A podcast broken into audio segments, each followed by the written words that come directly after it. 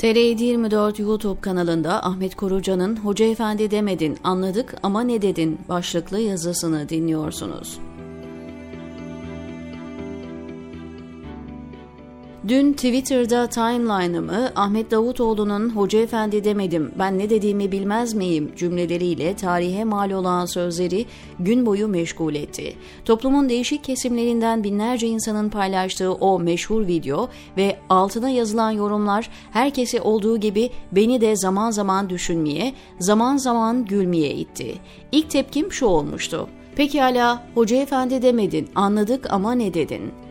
Ne dediğini salondakilerden birisi 10. Türkçe Olimpiyatlarındaki konuşmasından ilgili kısmı dinletince ortalık buz kesti. Tabii ki şaka yapıyorum. Buz kesmedi. Ortalık kahkaha tufanıyla alkıştan kırıldı.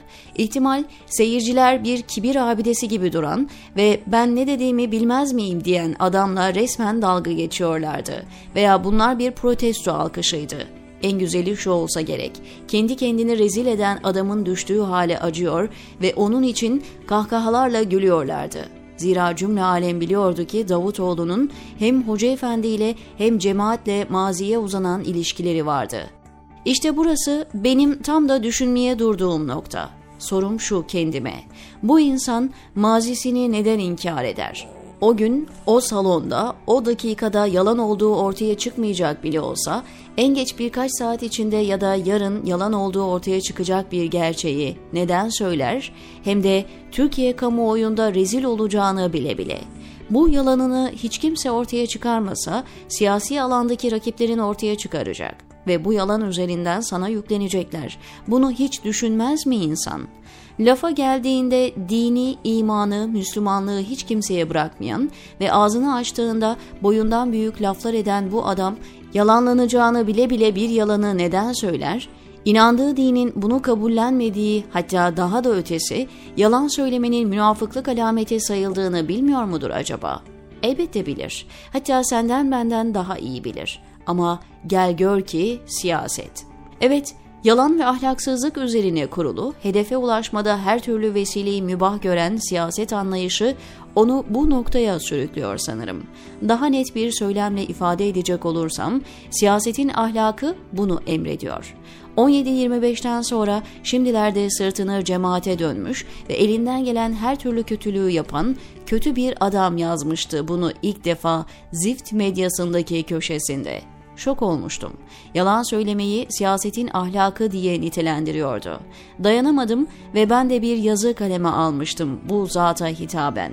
Dedim ki senin dediğin davranış modeline siyasetin ahlakı değil siyasetin ahlaksızlığı denir. Ve örnek vermiştim dillerine pelesenk ettikleri Peygamber Efendimiz'den. Onun peygamberliğinin yanı sıra kendi döneminin şartları içinde şehir, site yapılanmasındaki bir toplumda devlet başkanı olduğunu ama devlet başkanlığı vasfıyla yaptığı icraatlerde peygamberlik vasfıyla söylemiş olduğu hiçbir söz, getirdiği hiçbir öğretiye muhalif bir beyanı ya da davranışı olmadığını ifade etmiştim.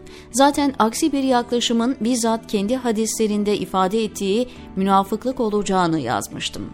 Her neyse, ben Deniz 1997-98 ortalarına kadar çok kısa bir süre Zaman Gazetesi'nde yayın koordinatörlüğü yaptım. Aksiyon Dergisi Zaman Gazetesi'nin haftalık yayın yapan, siyasi aktüel konuları işleyen bir dergiydi. Haftalık haber toplantıları olurdu. Kardeş kuruluş olduğumuz ve aynı binada çalıştığımız için Aksiyon'un haftalık toplantılarına bazen biz de tam kadro olarak katılırdık. Onlar da bizim toplantılara katılır, hatta bizim günlük toplantılarımıza da mutlaka bir temsilci gönderirlerdi. Hem gazetenin hem de Aksiyon'un aylık yüksek istişare adını verdiğimiz başka toplantıları da olurdu.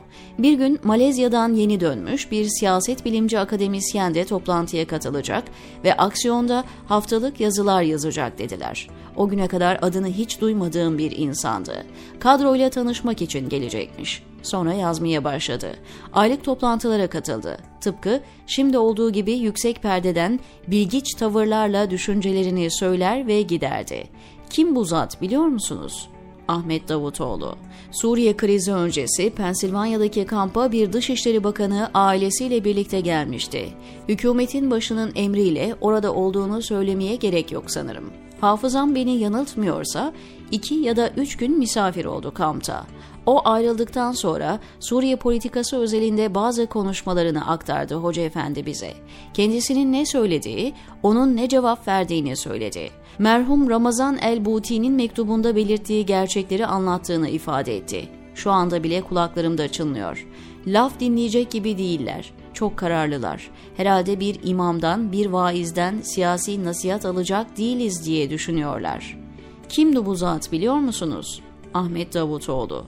Sayın Davutoğlu, gerçi akıl yaşta değil baştadır deseler de siz benim ne yaşımı ne de başımı kale almazsınız. Nasihat etsem nasihatimi, bir öneride bulunsam önerimi dinlemezsiniz. Onun için daha fazla zamanımı harcamak istemem. Ama şunu söylememe müsaade edin.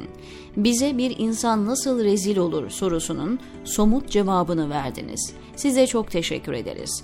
Allah mazisini inkar eden, anakronik yaklaşım sergileyip dünü bugünün siyasilerinin uydurduğu yalancı konjonktür içinde değerlendiren kullarından eylemesin. Amin, diyor Ahmet Korucan TR724'teki köşesinde.